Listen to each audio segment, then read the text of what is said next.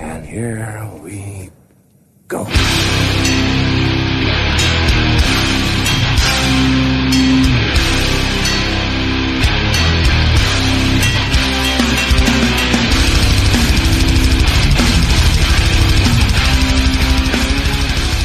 Sådär då, nere på noll, avsnitt 160 och jag, Robin Lindblad, sitter här med Danne Nätterdal. Hej hej! Vi sitter även här med en nytatuerad David som är jävligt sliten. Eh, kan tyvärr meddela att vi precis har spelat in det här avsnittet en gång tidigare. Då hade inte jag micken på. Nu är David lite sur, sorry för det. Hoppas vi kan få till det eh, till ett bra avsnitt i alla fall.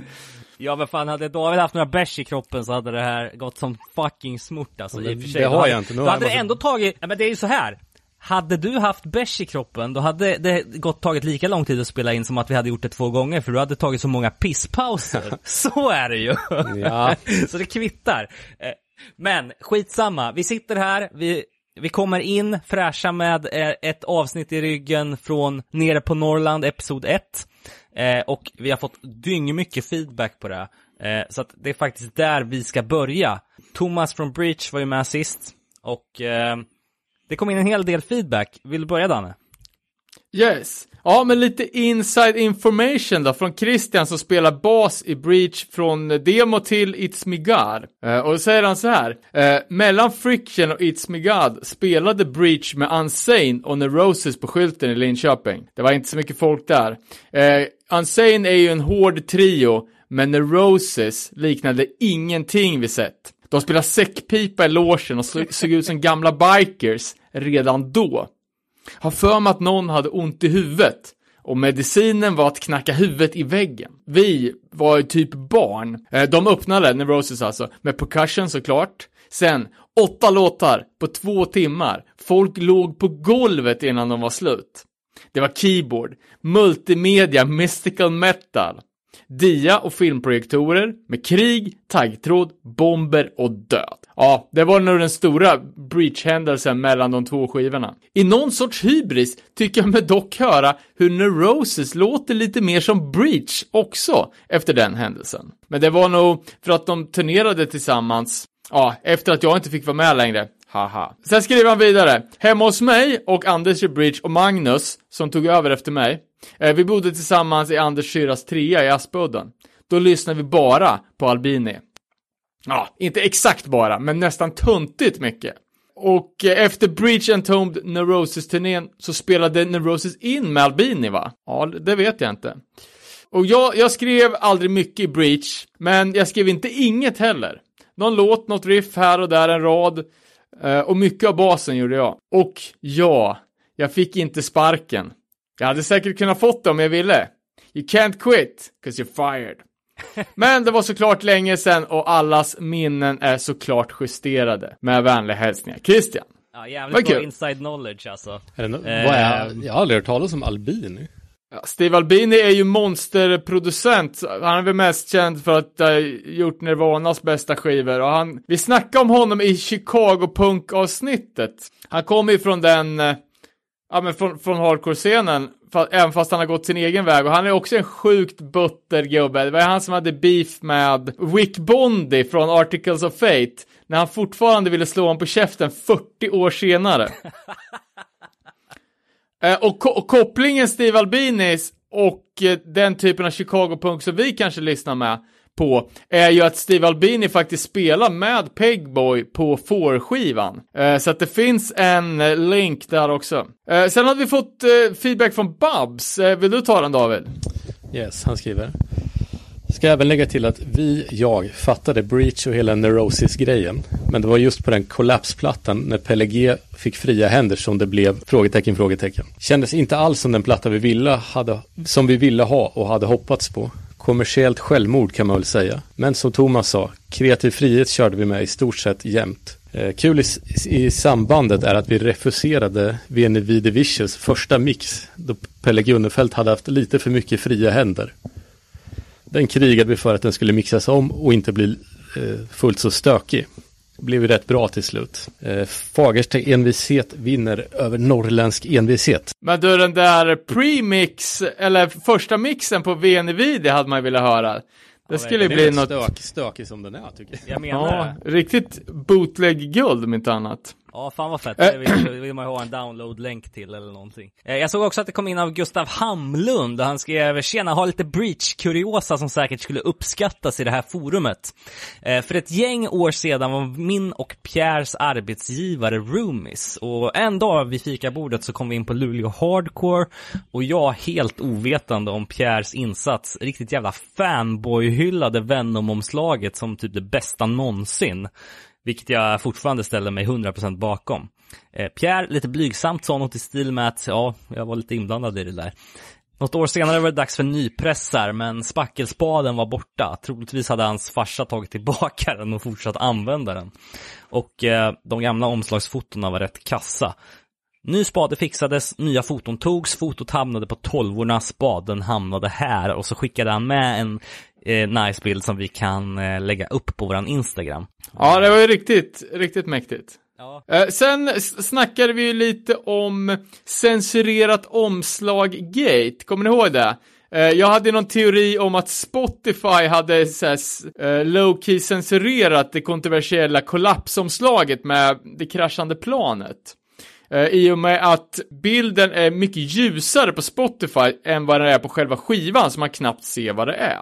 Eh, Då fick vi in från Bebba som har jobbat mycket grafiskt med Burning Heart och Epitaph-grejer. Han skriver så här. Jag gjorde även en hemsidebanner till eh, Ja, det var ju populärt med hemsidebanners på den här tiden, typ 2001 för Breach då, med ett plan som kraschar in i olika saker, till exempel hus. Och det här var ju strax efter 9-11, men bandet hade vägrat använda den. Eh, sen skrev, skrev Tobbe Bart, som också jobbar grafiskt med Burning Heart-grejer. Jag vill minnas att det var den ljusgrå artworken som var originalet och att den blev mörkare när den väl gick i tryck. Eh, sen berättar han hur de hade re re resonerat med det kontroversiella då med flygplanskrasch artwork precis efter 9-11 och det var ju att artworken kom någon dag efter 9-11 men den var gjord innan så då var det inga problem, det var bara på.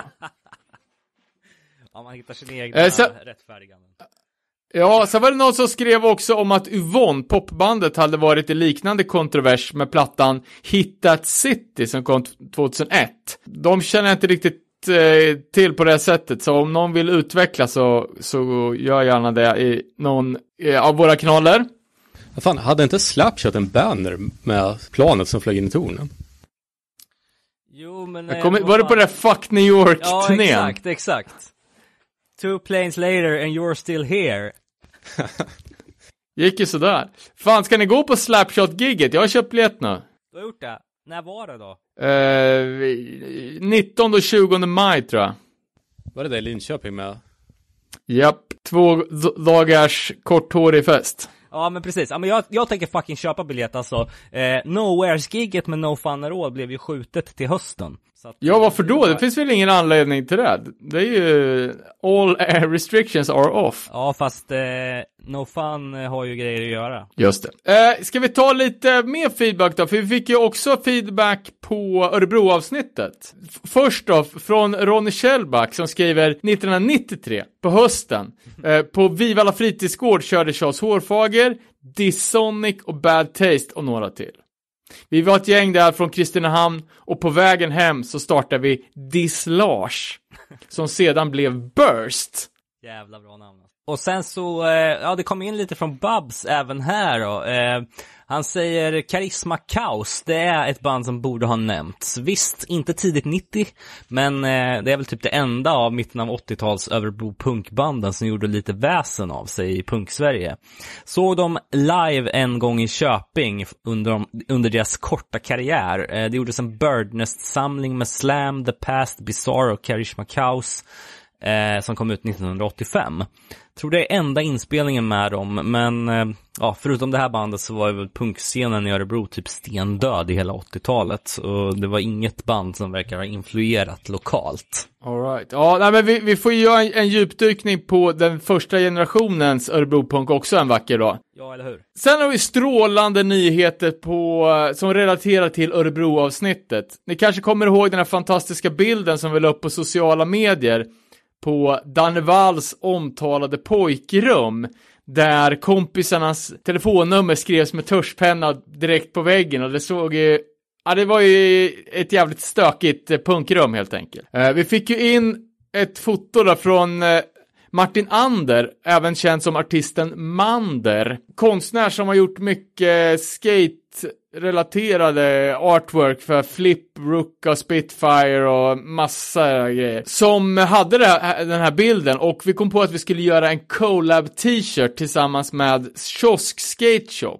Eh, Så nu kommer det komma en Mander kiosk nere på noll t-shirt med bilden från Danne Walls pojkrum. Så jävla Extremt fett. eh, mäktigt. Det blir ju en collectors item deluxe alltså. Det blir säkert en begränsad upplaga, men fatta om du möter någon på stan som har den där och ni bara pekar på varandras ögon och vet vad det handlar om liksom.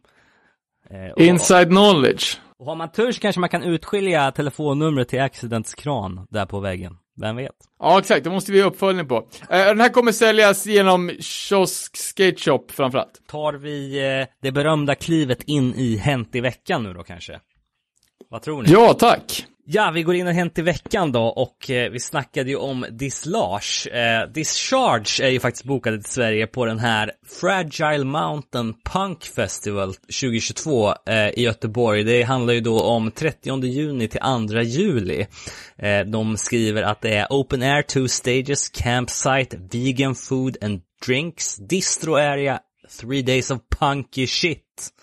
Ja, Kopparberg-loggan står på postern, man vet att det kommer bli blött. Eh, det är extremt mycket bra band bokade till det här. Eh, poddfavoriter som Rövsvett, Slöa knivar, Lowest Creature, eh, men också liksom Asocial, Anatomi 71, Trubbel, Disorder, Cocaine Piss. Alltså det är en riktigt fet lineup eh, som Det är väl... så jävla mycket band alltså. Ja, verkligen. Det blir blandning mellan Obscene Extreme och eh, Blackpool då. Ja, verkligen.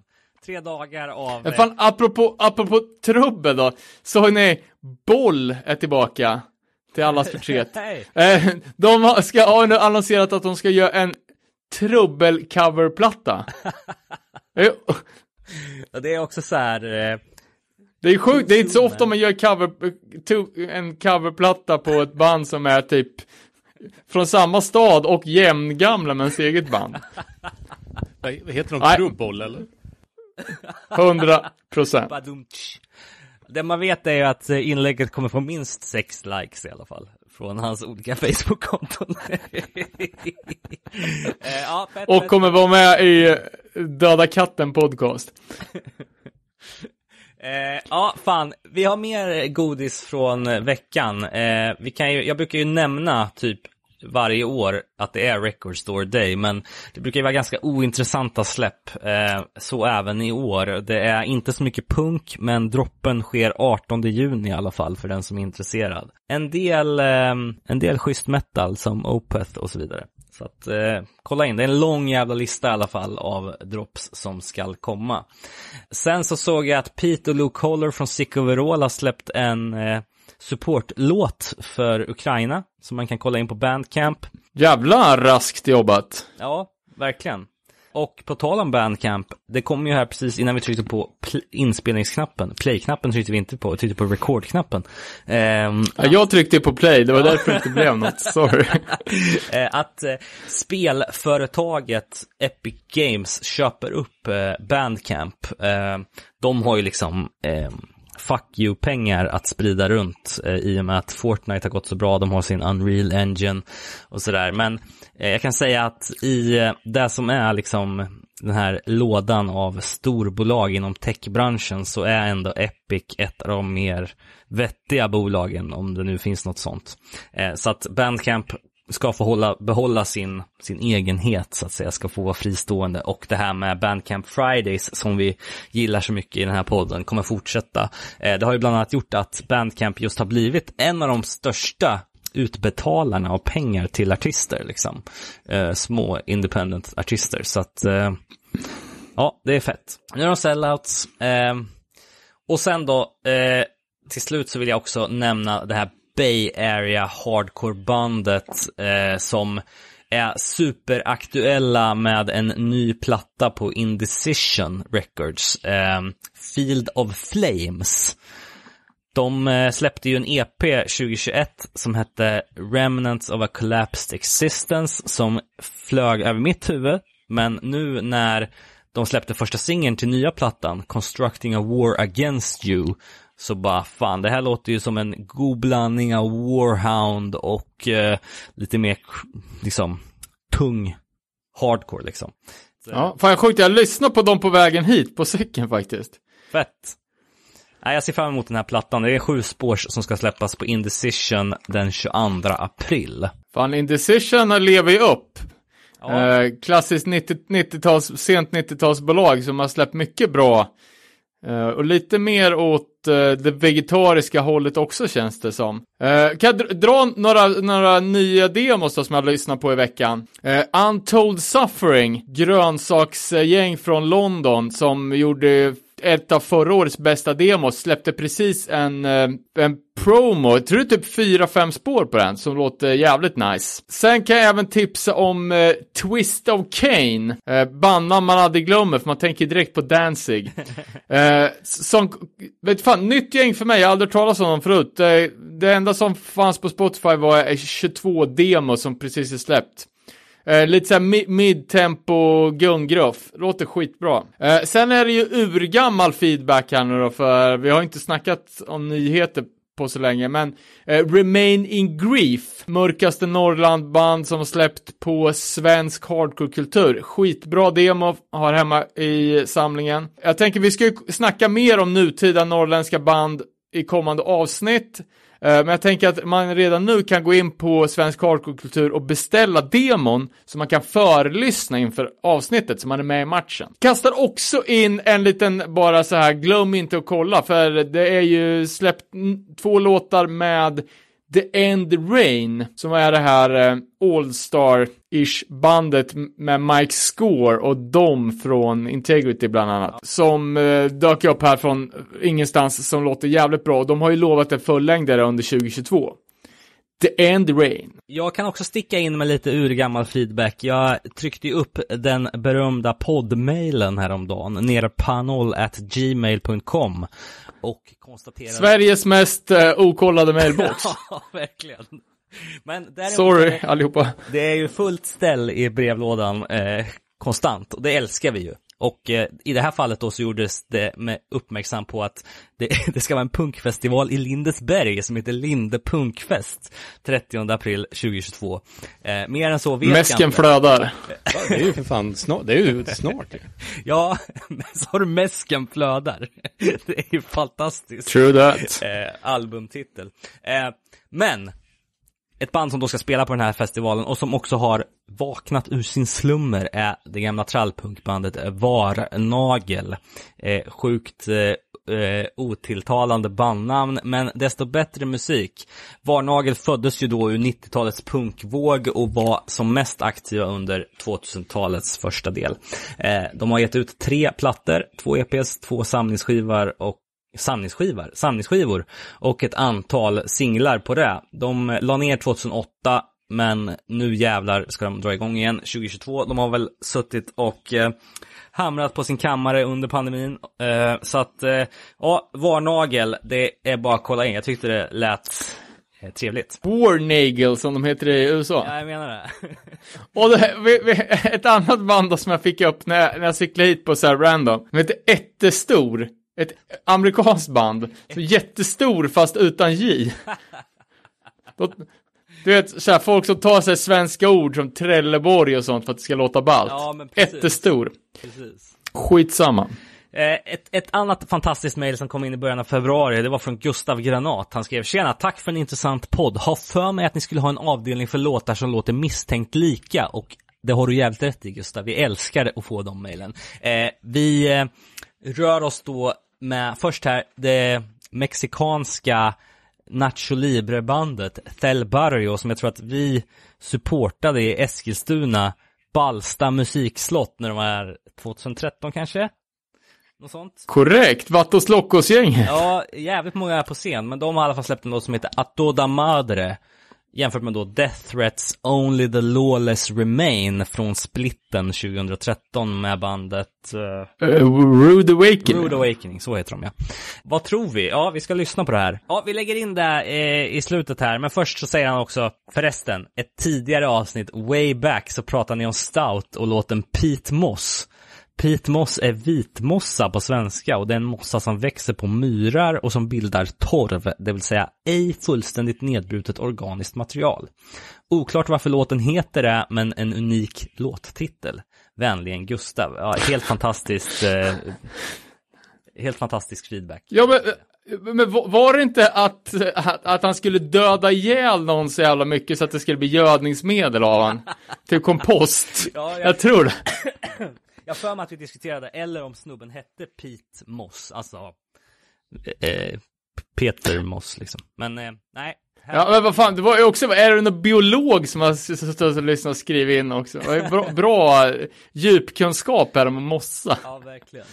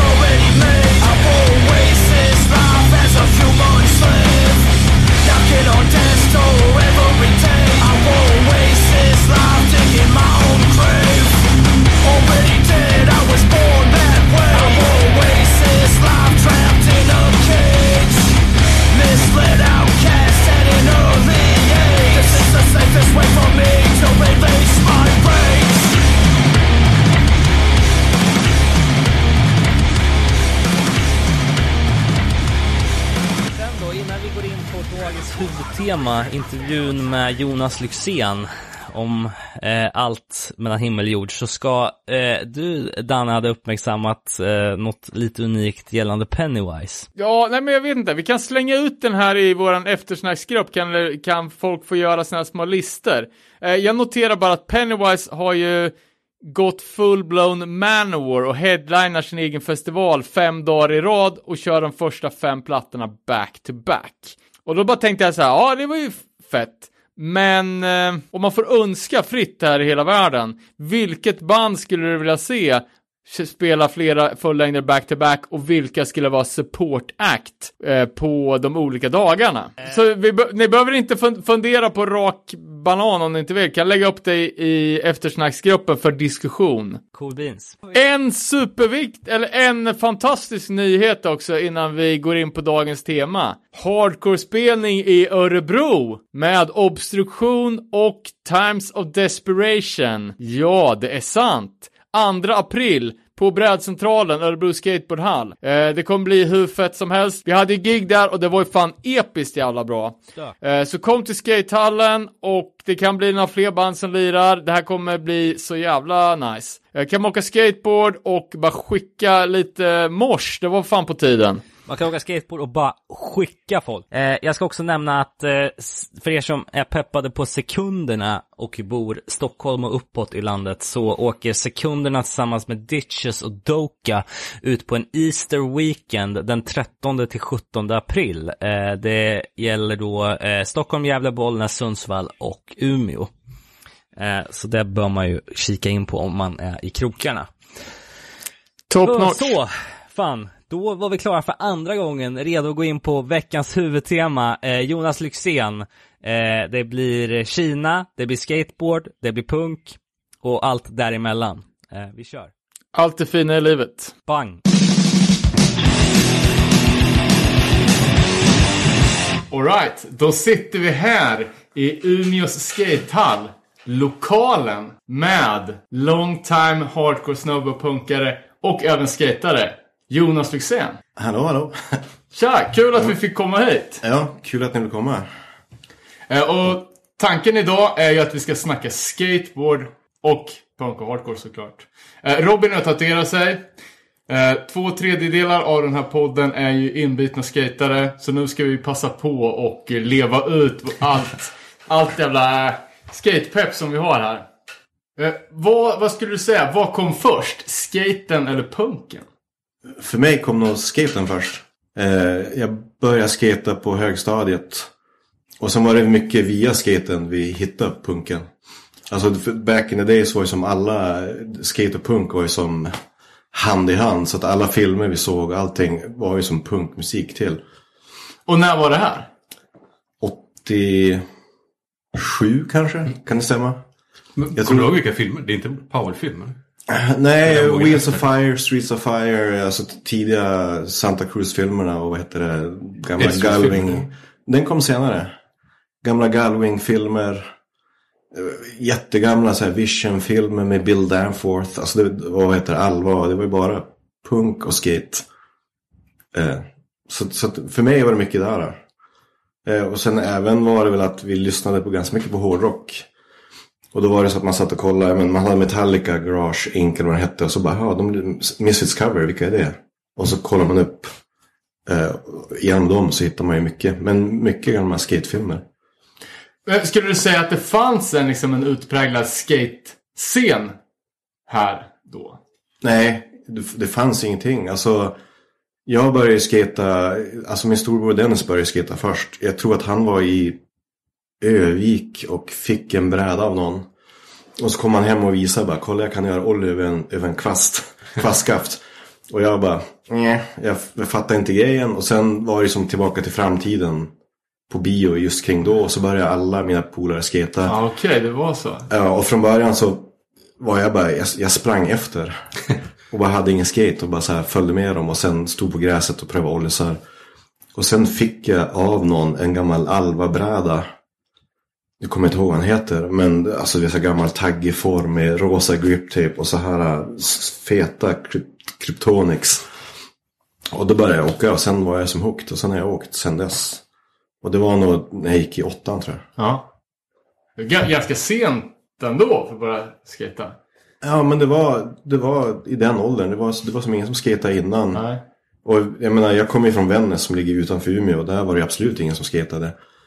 Eh, men sen efter vad det började åka så fick vi höra talas om bara, ja men det finns som skater i Umeå som är duktiga. Så att eh, Så då åkte vi in till Umeå någon gång och bara letade dem typ. och jag hade hört att de skulle vara på någon skola, Grubbeskolan. Och då, då lärde vi känna Ricky Sandström. Han är som blev en väldigt duktig skatare och bor i Ja. Stockholm nu för tiden och jobbar med Han jobbade fortfarande med skate. På något vis. Ja, men han jobbar på distribution. Ja, precis. Ja, men i alla fall. eh, Sidospår Guds nåde. Ja, men då, då, då lärde vi känna dem och Rickard Karlsson och Patrik Karlsson och massa folk. Och så var vi som bara ett crew som skatade och ungefär samma veva började ju som Dennis spela musik också. Med Afrojets som de hette. Men när skulle du säga att det, att det började lossna då?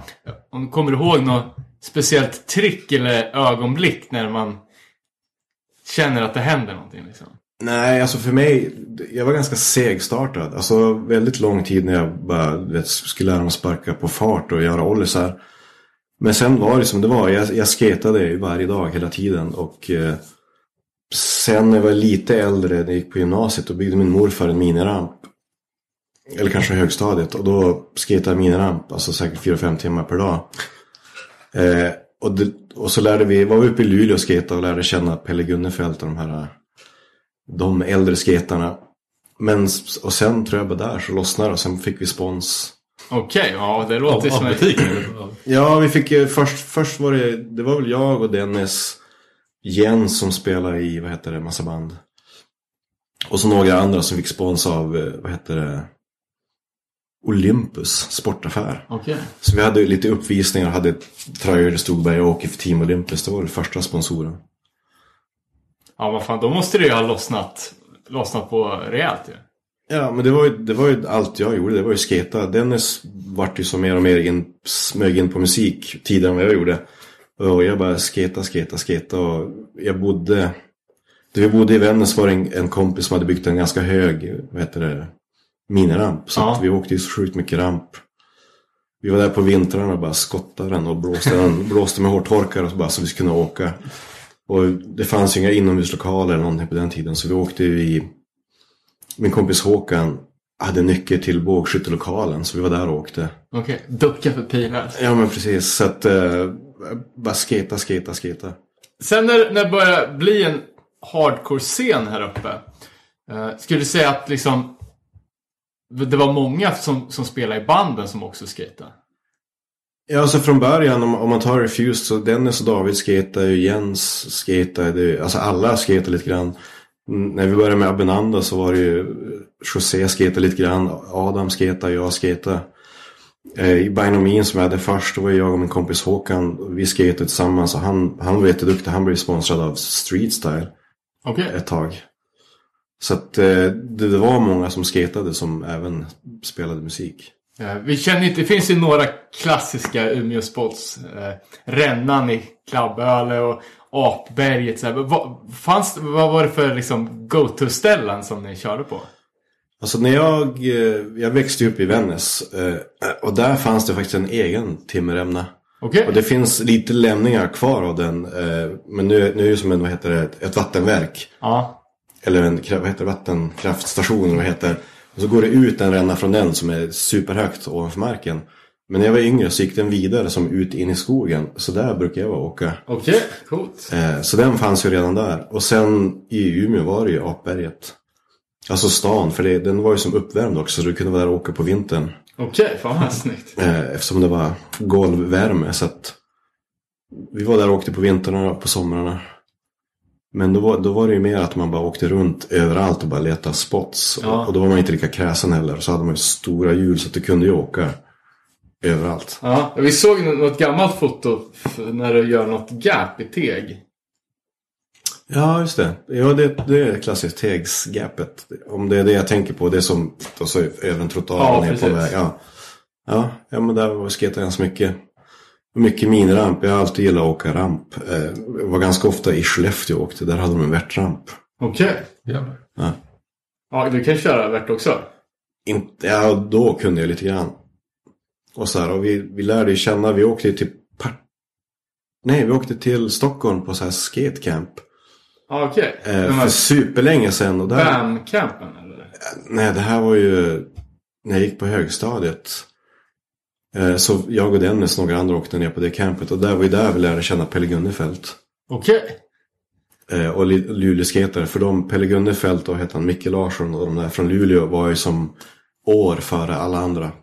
Ja, men Alltså, vi har ändå- också hört att, att Pelle Jönder var bra på skate också. Ja, Han var svinduktig på skate. Eh, alltså, han var, för- de, han, de var före sin tid. Det sägs att han var först, kanske i världen, med att göra kickflip säl. Det sk- skulle inte förvåna mig. Men så att de hade ju en skatehall eh, i Luleå så vi åkte dit och skatade någon vinter. Eh, och Dennis bröt armen efter tio minuter och sen efter det så la han som skaten lite på hyllan kan man säga. När var det här? Typ? 89, jag vet inte. Ja, jag, är, jag är superdålig på årtal. Så de i Luleå var ju svinduktiga och jag menar då åkte vi med Kristoffer Åström. Var ju med och Okej, åkte. ja. Eh, som spelade i Skumback back in the days. Men vi- vilka har varit dina, liksom, eh, jag tänker, skateproffsmässigt, alltså favoritskatare? Min, min första var faktiskt Jeff Kendall i någon så här Wheels of Fire, Streets of Fire. Så min första bräda jag köpte var en Jeff Kendall. Okej, men lite udda fågel. Ja, nej, men jag tyckte han var, han, han, har ju, han var ju svinduktig på ramp. Men i den åker han mest på street, gör massa små coola trick. Ja. Men sen har det varit de här Natas, Kaupas, Jason Lee, Mark Gonzales, Mike Villelli. Och det är mina gamla favoriter som är fortfarande favoriter. Ed Templeton. Ja. Eh, och nu för tiden är det väl Davon Song och Chris Haslam och eh, vad heter han? Richie, Richie Jackson, visst han så? Jackson, just det. Sjörövaren. Han är otippad. Ja, men alltså, jag gillar ju de som har, åker så här eh, lite out of the box och eget. Inte de som gör exakt vad alla andra gör. Ja, nej men alltså man blir ju... framförallt Day One Song blir man ju fortfarande så grovt imponerad. Ja. Han är så fruktansvärt bra. Ja, men han, han är en sån som man känner, både han och Chris Haslam, att om de vill kan de göra vad som helst. Ja. Sen nu väntar jag bara, jag såg att de startade upp Cheese and Cracker Ja, ins- Instagram. Så Så jag att de skulle komma en ny film. Ja, Jag hoppas på att det kommer en ny film, för den var ju, alltså när jag såg den första gången, man bara wow. Ja, nej, de är ju... Det är ett radarpar måste man säga. Riktigt Ja. sjuka. Jason Jesse tyckte jag också var väldigt cool eh, när han var med det är också den här Streets on Fire, eller vad heter. När han sitter i fängelse. Ja. Eh, eh, men sen, inte. Ben Schröder gillade jag när jag var yngre. För jag tyckte han var grym i miniramp. Han gjorde ju alltså väldigt många eh, tidigt att åka miniramp. Ja.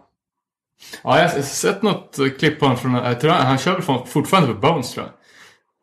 Han åker ju fortfarande och det som är bra med honom är att han, he don't give a shit. Alltså, han, upp, han fyllde väl f- 50 nyligen, eller ännu äldre. Ja, säkert. Och, och la upp något klipp där han bara slammade så jävla hårt på någon backside bonus. Alltså, så en dokumentär med honom, han bara det bästa som finns det är bara ut, rulla, rulla, bara snabbt, det ska gå snabbt. Du ska äta skit, alltså du ska bara... Ja, fan, det, är, det är imponerande av folk som, som klarar av att ta stryk så, så länge. Ja. Jag har ju precis suttit och beklagat mig över att en lättstukad fot tar fan två månader att läka. Bara för att man är så jävla ancient. Ja, man är ju som på andra sidan av berget, eller vad man kallar det. Att det är stadigt utför, det blir stadigt, stabilt sämre och sämre. Varje session är på nåder liksom. Men vad, vad har du haft för eh, ja, men, bästa trick? Alltså dels go-to-tricken men kanske också typ såna, när bästa du har satt i hela ditt liv. Eh, go to trick är ju svårt men jag, jag har alltid gillat Ollie Grabs, alltså miniramp. Och jag är bara så här och Japaner och Stalefish och Sad och Tail Grabs och grejer. Eh, och sen har T-flip har ju alltid varit så här sketa förut, ett go to trick. Ja. Göra i banks eller ner för saker. Plus det snyggaste tricket. Ja, men sen är det så här, det är svåraste trick. Jag tycker det är svårt att säga för att det som kan vara superlätt för mig kan vara jättesvårt för någon annan. Jag menar, man har ju betat igenom alla, alla flippar, så alla flippar har man ju satt någon gång. Ja, men det blir så när man skejtar tillräckligt länge så någon, någon gång i någon period så har man gjort det. Har man gjort det? Mesta någon, någon gång någonstans. Ja. Så det är ju som svårt att, att säga. Och sen har man ju Vissa trick har man kanske lagt ner jättemycket tid på men de kanske inte är så svåra. Men svåra för en själv. Jag, för mig var, jag tyckte jag Smith Grind var en trick som jag bara sket i i massa år. Alltså i, inte i mina ramp för det är inget problem. Men bara på curbs. Frontside eller backside? Eh, frontside. Backside har jag inte orkat. Jag, hela den här backside, backside tail och backside lip och backside Smith har jag som aldrig orkat. Ja, det är mitt, mitt sämsta också. Det är Ja. svårt. Men det är också så här, alltså, att man bara, man prövar någon gång och så man bara skit i det. Man bara, äh, det är inte min grej. Och sen efter något år bara provar det igen. Så bara, jaha, så här enkelt var det. Så det är så svårt att säga vad som är. Men kan du göra airs i Värtram? Eh, ja, alltså Madonnas Lean to Tail, bara Lean Disaster, lite låga backside airs. Det är ju Ja. grymt. Eh, ja, varken jag och David kan skata Nej. värt liksom. Men vi byggde ju upp eh, värt i, ja, men höstas när vi var i Örebro. Ja. Eh, Man får ju en jävla respekt för de som kan köra. Så. Men det här måste man också säga att den här värtrampen är ju inte som värtramper idag. Alltså, nu går jag till Fryshuset, jag var där för något år sedan. Alltså, Ja, den är ju ultra. Man bara okej, jag, jag kan typ pumpa i den. Men alltså på den tiden var det väl, vad var det, 30 centimeter värt kanske det var. Alltså och 2,50, alltså du vet. Inte samma som idag. Så, så det var en annan, det var som en stor miniramp. Men det är nästan värre med, med midvert för att det finns ingen böj att ramla i. Då kommer det drasa ner i, i botten om man missar ett Ja. trick. Eh, Men både jag och David har ju jobbat med DC Shoes. Ja. Eh, Och det var, gick en, ett rykte om att, kommer du ihåg skomodellen Syntax? Nej, det gjorde jag inte. Nej, då spricker hela den här frågan. Eh, det var ju en, en syntetisk doja som, som, jag vet inte om den gjordes för att liksom vara veganvänlig, men det var Nej. typ den enda dojan på marknaden. Vid den tidpunkten, 90-tal. Ja. Eh, och att den skulle ha sålt mer i, bara i Umeå stad än i resten av Europa tillsammans. Kanske jag aldrig hört talas om. Jag, jag hade ju, vad heter det? Jag var ju sponsrad ett tag av de här Zero Two Okej. Vegetarian Shoes om ni kommer Ja, ihåg dem. fan, ja. De här cardboard... eh, Ja, jag, jag vet det med märket i alla fall. Jag har sett det från gamla typ RAD-tidningar. Ja, alltså det, det var alltså, som via min kompis som tog in dem i Sverige. Han bara, "Ja, men du kan få åka för de här. Men jag åkte med ett par som bara, det här var helt... Okej. Det var ju som hela skon var ju bara cardboard. Så satte du på som en cardboard patch. Jaha, ja, det missade jag. Eh, på som du vet, så som Oljeskydd. Eh, men det, de var helt värdelösa. Men hade inte Ed Templeton något? Det var cheap, kanske. Ja, men sen på 90-talet hade jag nog skor som hette Straight Edge som var Jaha. så här canvas eh, som var som veganska. Men de var helt värdelösa. Alltså jag, jag det, alltså, jag gjorde kickflip ner från en sån här sextrappa, höll på med. Och då fort stortån ur bara. Och så skrapade jag bort all hud på undersidan. Det har fan hänt mig också. Stor, på stortån. Eh, så att så här tygskor som inte varit... Ja, man får ju limma, man får limma ordentligt om man ska köra tygdojor. Eh, vi har snackat om, om det lite, lite förut och att i, i Örebro så var det verkligen som över en natt. Att först så var skateboard och punk, som du sa, hand i hand. Eh, alla som, som skatade lyssnade. Men alltså, i, I Örebro var det ju väldigt mycket skatepunk. Millencolin och Fats, Epitaph-banden och sådär. Men som över en natt så började ju alla lyssna på Wu-Tang. Och ja, fan, jag och ytterst få var kvar som punkskatare. Liksom. Var det samma svek här, här i eh, jag tror att den, den grejen hände. När, jag har haft så perioder när jag inte har skatat så mycket. Jag skatade väldigt mycket fram tills jag började spela med DS13. Eh, för då var vi som bara så upptagna med Alltså det var ju 96 Ja. där och, och då var vi bara turnera så jävla mycket och bara spela. Så skejtade jag inte så mycket jag tror att det var säkert i den svängen. Okej. Så jag, har, jag har som inte märkt av det. Ut, förutom när man har börjat kolla på filmer efteråt och bara shit vad mycket hiphop och sånt är nu för tiden. Ja. Så jag, jag missar hela den eh, svängen tror jag. För DS13, du hade, kände, eh, kanske inte för att du skatade så mycket samtidigt, så kändes det som att det var i alla fall väldigt skate-anstruket. Hela den här Jo, trashcore och att det, ja, men det var låtar om skate och... ja, ja. Nej, men jag, och, jag skatade ju fortfarande men inte lika mycket. Ja. In, innan jag började med DS13 så var jag ju sponsrad. Ja, okej. Och, och tävlade och hade demosar och gjorde photoshoots för den lokala skateaffären och sånt där. Eh, men sen när jag började med DS13 var det som bara att Jag förstår. det var mer bara fokus på musik. Även fast jag fortfarande skatade lite grann. Eh, Men jag tänker de, de andra... Alltså efter 90-talsvågen så har ju Umeå haft lite olika ja, men så eror kan man säga. Först var det den här post-hardcore-eran, senare Refused. Och sen nivågvågen. Ja. Var det någon av de erorna som, som det var någon skate-pepp i?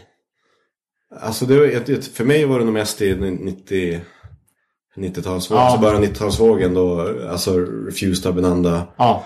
eh, Mest folk som skatade. Sen när Refused la ner och Abinanda la ner och vi började med DS13 så skatade ju fortfarande vi. Ja. Några stycken. Och då fanns ju även, vad heter de? Eh, De som sen blev The Rats. Härifrån? Eller? Ja, och vad hette de? De skatade också lite grann. Ja. Men in, in, inte som det var tidigare, ja. såklart. Ja, jag, tänk, jag tänkte liksom om folk som ändå var ja, men, Ja. vet, kostym, svår, lyssna på fransk poesi, ändå smygskata för att man inte kan släppa brädan. Eh, ja, men det tror jag väl. Och sen är det ju som, jag menar, många i eh, nivåg eran. Alltså jag menar, Robert och Erik skatade lite grann. Och Dennis har ju som skatat lite grann, lite hela tiden. Men inte alls som det var från början. Utan det var, det var som på 90-talet tänker jag. Det var mest eh, de, de som, alltså folk som skatade och spelade band. Ja. Och var på spelningar och skatade. Eh, Vi har ju snackat lite tidigare här eh, om dina nyare projekt. Bad Nerve, Bad Nerve och Dumbfucks. Ja. Men vi läste också om ett projekt du har i Kina. Jo. Berätta, superspännande. Eh, någon gång så bestämde jag mig för att plugga kinesiska. Så jag har ju bott i Stockholm i några år. Ja, Och pluggade kinesiska. Och under den tiden så spelade jag faktiskt med Second Thought. okej. Eh, var på turné med dem. Jag tror vi spelade i Örebro. Jaha. Jag har för mig att vi sov i skateparken. Kan det stämma? Eh, så Det måste ju vara jag som har arrat det i så fall. Ja, men vi spelade med något tyst grindcore-band. Ja, Österrike. N- när var det? Österrikisk. Ja. Ja, eh, precis. Sa- 2000. Sinus. Så- Ja, precis. Ja. Då spelade jag gitarr med Second Thought. Jaha. Ja, det var Ja, ja. jag som arrade. Ja, okej. det ser man. Men eh, då fick jag stipendium för att åka till Kina och plugga. Så att jag var där och pluggade ett år. Var tillbaka i Sverige ett år. Fick ett stipendium igen. Åkte tillbaka till Kina. Eh, då turnerade vi i Kina med Insurgent Kid som jag hade då. Ja. Eh, och då lärde jag känna eh, en snubbe som heter Mai Dien. som bor i en stad som heter Wuhan. Och han drev något anarkistiskt centrum där, det enda som jag vet har funnits i Kina. Och vi blev jättebra vänner och så började vi prata om ah, att vi kanske ska spela musik. Någonting och så träffade jag en kille som heter Nevin. Eh, som kommer från USA, som bodde i, i Peking då, och jobbade på något skivbolag. Så var det som att vi bara, ja men vi, vi bildade ett band. Så att eh, vi startade ett band så att det var jag från början var det en, kille som hette Alex, en, en kinesisk sångare. Och Maiden och sen jag och Nevin och sen Nevins kusin Adam. Eh, så vi bildade bara som ett hardcore-band som spelade så här snabb DS13-ish hardcore. Mest bara på kul, men sen blev det som att bara, vi spelade in en CD och sen spelade vi in en split-singel, sen spelade vi in en singel och sen släppte vi en diskografi. Och vi har turnerat tre, fyra gånger i Kina. Har varit turnerat i Sydostasien, alltså i Singapore, Malaysia och Indonesien. Och de har även varit här och spelat. Eh, alltså vi gjorde en Europa- Europaturné och Bad Nerve åkte ju då till Kina och turnerade tillsammans med Fanzu Changfa som vi heter. Men nu är vi så utspridda, vi finns fortfarande men eh, Nevin åkte hem till USA så blev det covid så han har som varit hem, fast i USA i två år. Adam flyttade till Tyskland och har skaffat barn och gift sig. Maidien har försvunnit, det är ingen som vet var han är. Är ingen som har fått tag på honom på över ett år. Eh, Leo Leo bor i, eh, vår nuvarande sångare bor i en stad som heter Guilin. Och jag bor här. Så att vi är väldigt utspridda. Men vi har ju pratat om att vi ska försöka göra någonting. Och jag, jag spelade just in.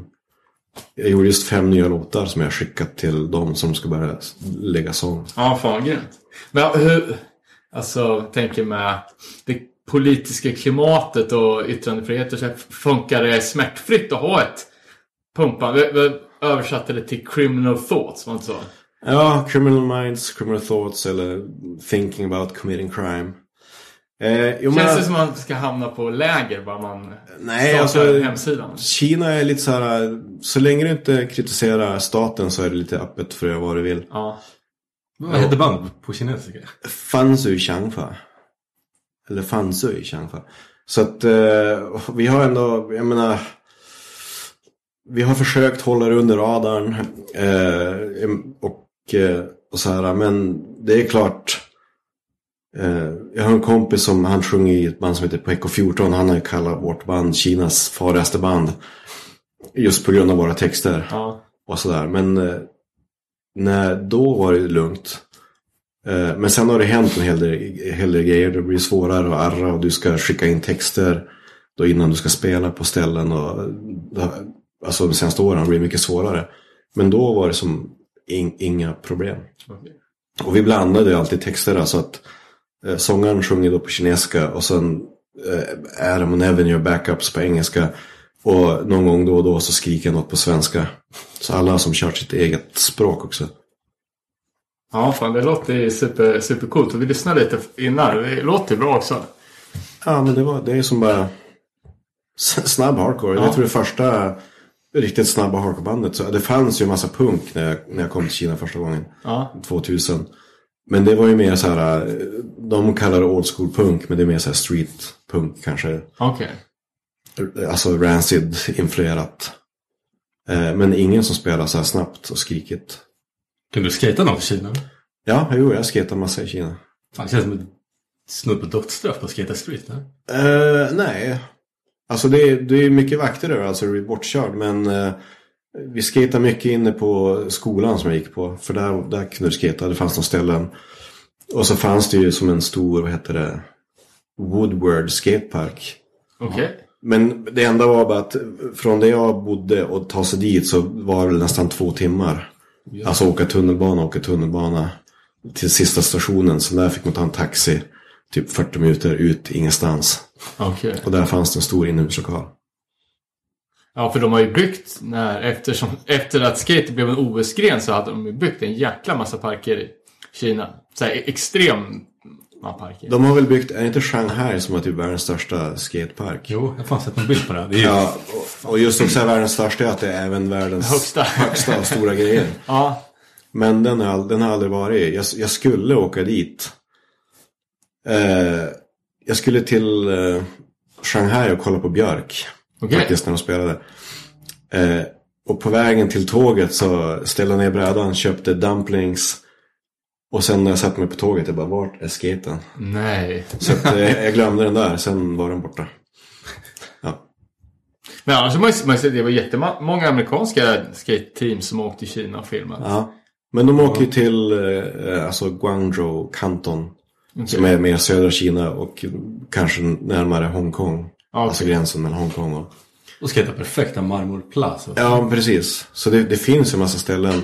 Peking är ju lite roughare och lite smutsigare. Kul! Ja men fan, då backar vi, backar vi bandet helt enkelt. Om du trycker på så att det blir ett... Eh, Var, var Abinanda ditt första band? Nej, mitt första band var By No Means. Okej, det började innan alltså. Ja, ja, ja By No Means var säkert två år innan. Och By No Means var, det var jag och min kompis Håkan eh, som...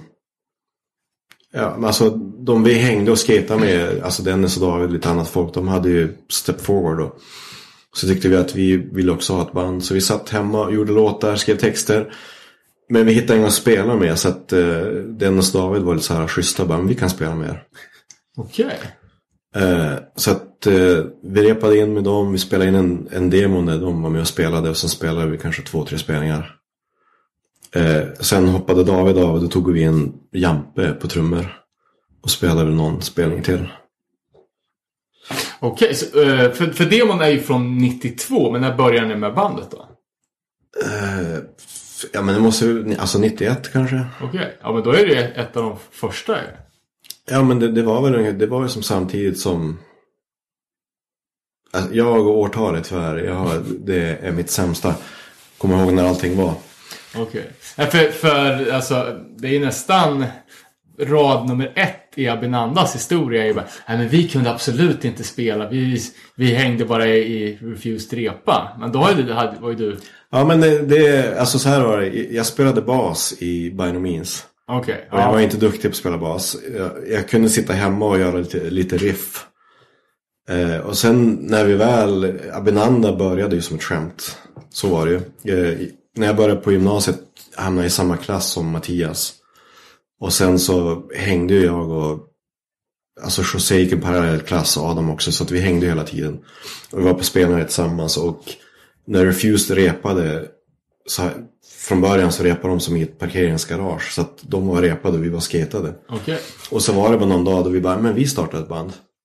Och då var det verkligen så här, okej, Mattias kan spela bas, du får spela bas. Jag räckte upp handen, jag vill spela trummor för det verkar coolt. Jag har aldrig spelat trummor tidigare. José bara, jag kan inte göra någonting så jag sjunger. Och, och Adam bara, men jag har en gitarr, jag kan spela lite gitarr. Och det var så vi började, totalt som ett skämt. Jag tror att det vi sa först var, men vi ska spela countrypunk. Eh, vi, hade någon, ja, men vi hade någon idé. Vi, man, vi satt och kollade på Trashen och så såg vi Red Hot Chili Peppers. Vi bara, ja men vadå, vi, vi spelar någon så här country, countrypunk. Eh. Och Men tur var- att det inte blev så då. Nej men och vi var för dåliga på att spela så att jag menar Första demon som vi spelade in som jag tror ingen, jag, jag har den alltså den kommer jag aldrig få se dagens ljus. Är så fruktansvärt dålig. Det är en sån här kassettdemo som vi gjorde. Ja, vad, vad heter Inte Neverending Well of Bliss, men något i stil. Ja, jag vet inte vad den heter. Det, är- alltså omslaget tror jag är en munk som sitter på Ja, men precis. Eh, och det var det första vi gjorde. och Så här kassettdemos. eh, Noje heter han. Han spelar Ancient Wisdom. eh, och det var fruktansvärt dåligt. Eh, men sen så var det som att vi bara repade, repade, repade. Så blev vi som bara långsamt bättre. Men den här demokassetten, sålde ni eller gav bort den eller höll ni den för er själva? Eh, jag kommer inte, vi har säkert gett bort den till lite folk. Men det var ändå, det var ju som ett skämt. Alltså första spelningen vi spelade var ju som att vi gick på innan Refuse skulle spela så hade vi på oss Krishna mundering och, eller mundering, vi hade på oss lakan, vi hade inga Krishna kläder. Och så spelade vi typ, var det en shelter cover fast ingen hörde vad det var för någonting, en egen låt som var helt värdelös, ingen, du vet. Det var inte bra. Men sen var det som det var, att vi, vi repade på. Eh, sen tror jag första inspelningen vi gjorde var till Northcore-samlingen. Som första riktiga inspelningen, var Ja. i en, studio. Och då hade jag spelat trummor ett år tror jag. Och Ja, vi kom till studion och jag fattade ingenting. Jag vågade inte röra trumsetet. Så att jag spelade på det precis som det var. För jag vågade som inte ställa om någonting. eh, och då var vi mycket så här när vi kom dit. Abris bara, ja men oj då, jaha, nu hör jag hur du spelar på trummorna. Jag trodde att du som bara slog lite random. alltså vi var inte, vi var, ja. Men vi fortsatte ju som bara repa och repa och repa. Och sen när jag gick ut gymnasiet då flyttade jag ihop med Adam. Så vi bodde i ett hus där vi hade som i ett rum och en replokal. Och vi repade bara jävligt mycket. Eh, men Northcore-samlingen som är släppt av Burning Heart, visste ni om Burning Heart vid det här laget? För det var ju ändå väldigt tidigt i den katalogen. Ja, jo men alltså via Refused visste jag ju Ja, just det. Ja, vilka, vilka Burning Heart var. Ja. Men jag vet inte hur vi kom med på den här samlingen. Men eller i och för sig det var nog så att vi spelade in de där låtarna för att vi skulle vara med på den samlingen. Ja. Men, ja, men det är ju det är inga... Ja. Vi kunde ju knappt spela. Jag vet inte hur vi fick ihop. Alltså nu när jag lyssnar på det. Nu när jag lyssnar på det, bara, hur, hur fick vi ens ihop att vi kunde spela hela låten i en studio? Men det gjorde vi tydligen. Eh, Men hur, hur spelar ni in då? Liksom en och en eller live eller? Jag tror att vi- och klistra? Jag tror att vi spelade in det live. Men, men jag minns det här var ju superlänge sedan. Det var en studio i Holmsund har jag för mig. Eh, och jag tyckte också det var lite så här pinigt för att jag bara, jag kan ju knappt spela trummor och ska man, ja. Men ja, Ja, var med på en CD. var med på en CD. Man bara, men jag vet inte, jag menar en av låtarna, jag kommer inte ihåg, en av låtarna vet jag att jag gjorde. Om den heter Revolution kanske. Alltså gjorde musiken. Ja. Och den andra tror jag Adam och eh, Mattias gjorde. För de låtarna är exklusiva, va? De finns ingen annanstans. Nej, de finns, finns ingen annanstans. Och sen efter det var det Darkness of Ignorance inspelningen. Som då har ju blivit lite bättre. Eh, Svinbra är det. ja. ja, men den är också så här. Jag menar på någon låt, jag tror José inte ens sjöng någon text för vi hade ingen text. Om ni lyssnar så är det bara random ord på någon av de här låtarna. Men det är samma sak där. Alltså från början var det jag och Adam som gjorde all musik egentligen. Ja. Och sen så repade vi ju bara som fan. Och sen blev det senseless. Vi har ju gjort ett Desperate Fight-avsnitt för ganska länge sedan. Jo. Eh, Och då frågar vi ju José om han, alltså för vi är ju liksom vinylheads. Ja. Eh, om han liksom så här i efterhand, efter klokhetens sken, liksom ångrar att han inte gav ut dem på 7-tummar också. Liksom att Desperate Fights legacy hade ju blivit Jo. Alltså, tänk första typ 6-8 släppen på sjuor. Det hade ju blivit fan Revelation-klass nästan. Ja, det var, det var ju synd för det var ju någon, det där var ju någon så här dålig mellanperiod och ingen köpte vinyl. Utan det var CD som gällde. Jag menar, Ja, just pappfickfodralet på Darkness är ju... ja och det tror jag varför det är så är för att det var det vi hade råd. Alltså vi Ja. hade ju inga pengar och det, vi betalade det där själv. Och jag menar, Senseless, om jag minns det rätt så har vi sålt över 30 000 CD-skivor med Jävlar. Med, alltså senseless. Så att den, den, såld, den sålde ju som... Folk köpte ju CDs då, det var Ja. det de köpte. Ja. kom eh, Senseless-vinylen samtidigt som CDn? Det var ju belgiska Genet som sa Nej, den, den kom långt. Jag hade, jag hade nog redan hoppat av Abinanda när den kom. Den släpptes mycket senare. Okej. Utan det, det blev ju som... Nej, allt var bara på CD. Men jag vet, jag lyssnade ju på det här avsnittet med José. Så han var ju tvungen att bara skriva. Jag skrev på min Facebook bara det här och det här stämmer inte riktigt. och en, en sak som jag bara vill säga nu det är så här. Stänka var inte den som gjorde att Senseless blev en bra CD. Som, det är någon slags efterkonstruktion. Okej. Att bara Stänka började spela med oss och då blev det bra plötsligt. Utan eh, vi hade ju repat som tusan och om man kollar på vilka som gjort låtarna på, på den CDn. Stänka är superduktig, alltså det är han ju. Bra på att hjälpa oss knyta ihop. Han gjorde en låt på den skivan och den har vi aldrig spelat live. Okej. Eh, Den, jag tror den heter My Source kanske. Vet. Ja, men alla de andra så är det typ, eh, jag har gjort ganska många låtar, Avis gjorde en del grejer, vad heter det, Adam gjorde en del grejer. Eh, och Stänka lite grejer. Så att eh, jag vet som inte, jag, jag bara less på att höra att så här, det är Stänka som gjorde att Abinanda blev bra. Nej. Det, Jag, jag kommer inte... Var det vi eller José som jag tror det... Eller var alla? Nej, men det var så här, jag, jag läste intervjuer och grejer. Jag bara, men så var det inte. Utan att det var som att det var ett allihop. Jag menar, Stänka skrev inga texter. Det var ju Abris och, och José som gjorde det. Och jag menar, jag gjorde vissa av de här låtarna. Adam gjorde vissa, Mattias gjorde vissa. Så det var som ett samarbete av allihop. Även om Stänka är superduktig på att spela och eh, hjälp, hjälp till att knyta ihop lite Jag grejer. förstår.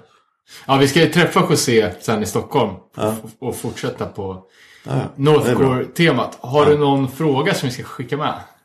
Till José? Ja. Du behöver inte ta den här, här och nu. Men kan jag Ja, jag ska fundera på det. klura på den? Eh, nej men precis, sen blev det någon konstig lokal där helt plötsligt. Jag hängde inte med utan jag kom till replokalen en, en dag och så satt Per där. Och inte Stänka. och så jag bara, okej, what? Och, ja, för Per fick kicken ur Refused. Ja. Och då behövde han någonstans att ta Och då vägen. behövde han någonstans ta vägen. Så då var det som att då tog de Stänka och vi fick Per. Och för mig var det som att eh, då började, för mig personligen, började, då började Abinanda gå ut för. Utan då, då blev det en annan typ av musik och en annan stämning i bandet. Så jag, jag var med på en turné. Efter det och sen när jag kom hem, jag bara, de här, jag kan inte spela i det här bandet längre. Okej, vad tråkigt. Ja. Ja. Men alltså, det har ju pratats alltså, om Umeå Hardcore, just den här gyllene eran. Ja.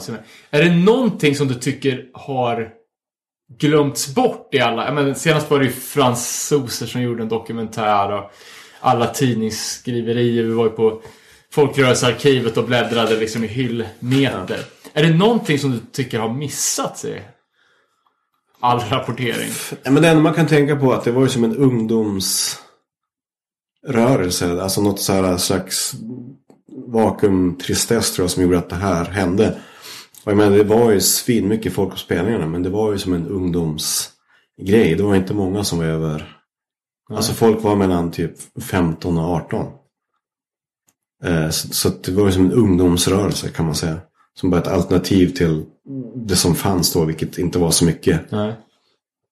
Så, så det är en, en sak jag tänkte på. Att det, det var som, ja men var, vi spelade på ungdomsgårdar. För ungdomar. Ja. Ja.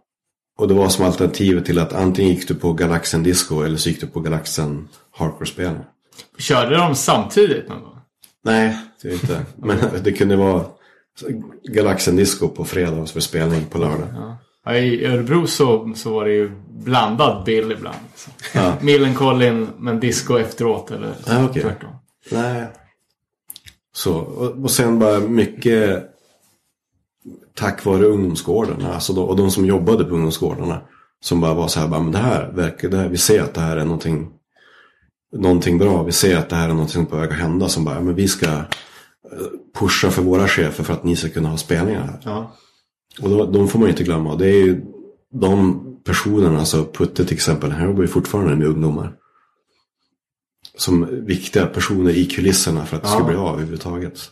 Ja, men vi har förstått det nu de här dagarna när vi har pratat med folk om, som var med på den tiden. Alltså, Ja. Det här liksom att infrastrukturen fanns.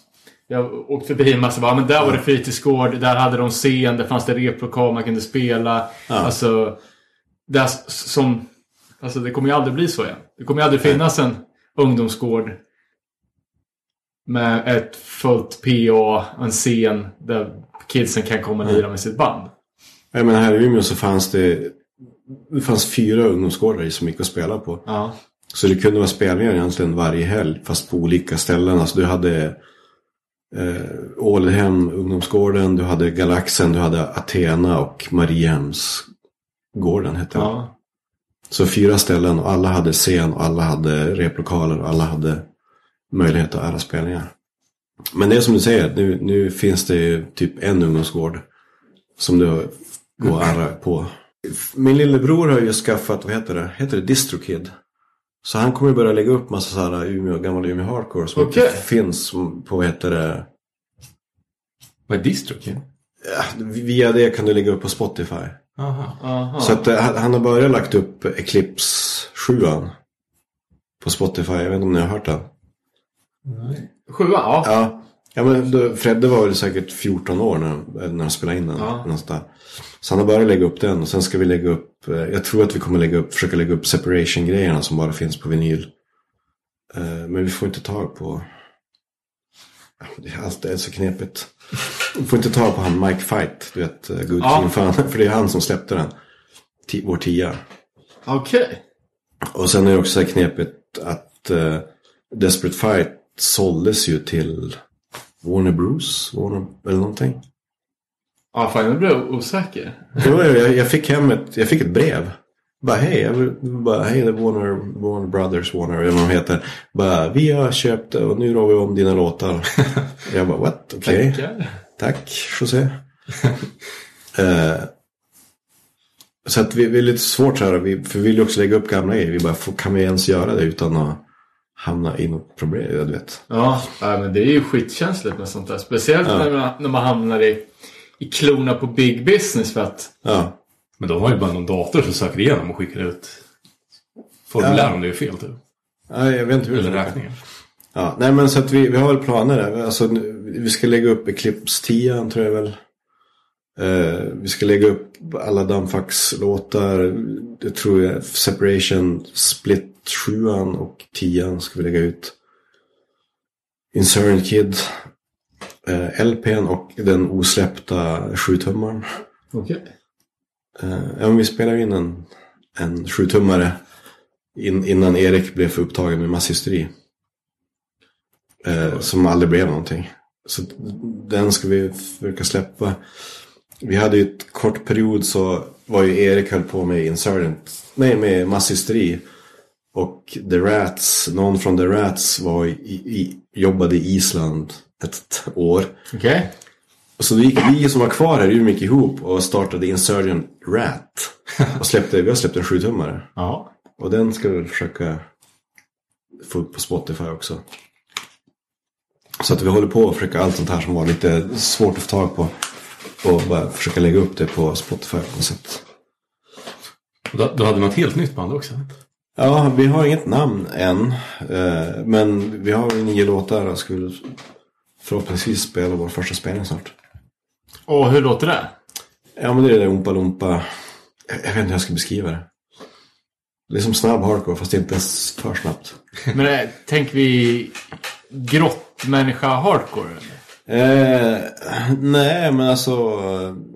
Det är som blandat. Alltså vissa låtar är ju bara så här eh, rent så här. Lite sådana bara metal hardcore riff och så blandat med med att vi spelar så lite melodiska grejer och blandat med bara... Okay, vi har ja. någon låt som vi kallar för, alltså vi kallar den för så här Vampire Boogie Boogie. Bara. Och sen slutar det med att det blir bara så här, bara, så här slayer-riff mitt i alltihop. Ja, det, vi, vi vet inte det, det kan bli spännande. Ja, så vi vet inte. Så det håller vi på med. Sen har jag nu under pandemin suttit och skrivit 20 nya Bad Nerve-låtar. Som vi, men det är ju svårt med du bor ju i Stockholm. Ja. Eh, Men det jag tänkte vi spela in snart och sen ska vi släppa Dumbfuck diskografi är det tänkt. Och sen ska vi släppa nytt med fans. Alltså det är ju massa grejer på gång. Men Ja, allt tar så ja, jävla lång tid. Så det är som att det här eh, nya bandet vi repar en gång i veckan. Eh, Mårten. Det är också jag och Mårten. Det var för att Bad Nerve. Vi bara ingenting att göra. Vi startar ett nytt band. Så byter vi lite instrument bara. Så. Men så jag och Mårten repar ju med Bad också en gång i veckan. Bara för att rep- försöka ta sig igenom de här 20 nya låtarna. Ja, fan då låter det som Så- du håller dig sysselsatt i alla fall. Ja, så det är massa grejer på gång. Men allt tar väldigt lång tid. Men när, när vi lägger upp det här avsnittet så får vi gå ut med lite länkar och info Ja. så folk kan, kan kolla, kolla upp alla nya grejer. Ja, ja. Sen finns det ju, undrar om jag har en. Det finns ju en, en gammal Abinanda-demo som typ ingen har. Okej. Som vi spelade in, Tryck inte på stopp. ja precis, som vi s- spelar in nu. Nej, jag hoppas inte att ni. Jo. Gör ni det? Ja. Nej! Eh, ja, men, eh, som vi spelade in innan, vad heter det, Senseless. Shit vad mäktigt. Eh, och det, då är det med, det är typ tre eller fyra av de låtarna och sen är det eh, ja, en, en av dem, alltså det heter den Dragon kanske den heter. En liten annan version som jag tycker var mycket bättre än den som vi spelade in. Alright, spännande. Och det, den gjorde vi en demo av. Har, och den finns någonstans. Det, det kan du fråga José. Det ska vi verkligen göra. Vart är demon som Abinanda spelade in innan Senseless? Och när kommer den på sjutummare? Ja, precis. Så det kan ni fråga om. För den, jag, jag tror att jag kan ha den någonstans men jag har ingen Men ni sett. gjorde, ni gjorde inget med den? Nej men det var som en så här, du vet vi spelade in en demo inför Ja. inspelningen. En studiodemo typ. Ja, precis. Eh, och jag tror att det, om det var tre eller fyra låtar som sen vi spelade om igen. Ja. Men, men jag tyckte att de var bättre på demon än på Senseless LP. Så det, det kan man fråga sig om. Om man, om man har den någonstans. Eller om man har första demon gömd någonstans. Ja, det här måste vi gå till botten med. Den är fruktansvärt dålig. Är en, Men alltså alla titlarna är, är inte, är det på sanskrit eller det går inte att läsa dem i alla fall. Var det, det är engelsk text i alla fall. Ja, ja. Engelsk text. Jag tror när vi började så sjöng vi lite grann på svenska, lite grann på engelska. Okej. Ja, när vi kollar på den, den demon på, på, på disco så det är ju ingen som har den. Och det är Nej. väldigt ovanligt att det inte är någon som har den. Nej, men precis. Och, och den där andra demon också, för att jag vet att vi gjorde omslag och allting på den. Men den eh, tror jag inte heller typ någon som har. Spännande. Nej, för vi, vi, vi snackade om det här liksom att ja, men alla kids här lyssnar på hardcore. Ja. Och uppenbarligen har köpt en jävla massa kassetter. Och alltså, kan man säga 90% av alla som lyssnar på hardcore på 90-talet gör ju det inte idag. Nej. Och ve- vem är det som har kassetterna kvar som man bara kan söka upp? De står ju på någon vind någonstans. Ja, eller 100% att det mesta är slängt. Men. Nej men det finns ju vissa, jag menar jag, jag har försökt spara det mesta. Men sen är det ju flyttar och i kartonger Ja, ja, och så här. Så jag har ingen aning. Och vi- av vissa av dem har jag bara kvar omslagen. Och jag tror att den här Abinanda-demon har kvar omslaget men inte demon. Men eh, vi måste ju gräva fram någon, någon helt obrydd trebarnsfarsa som sitter med kompletta Ja, precis. demo, demokatalogen. Alltså. Nej men det, är- ja, Mattias kanske har, jag vet inte. I don't know. Ja. Nej, någon, någon är ju som har.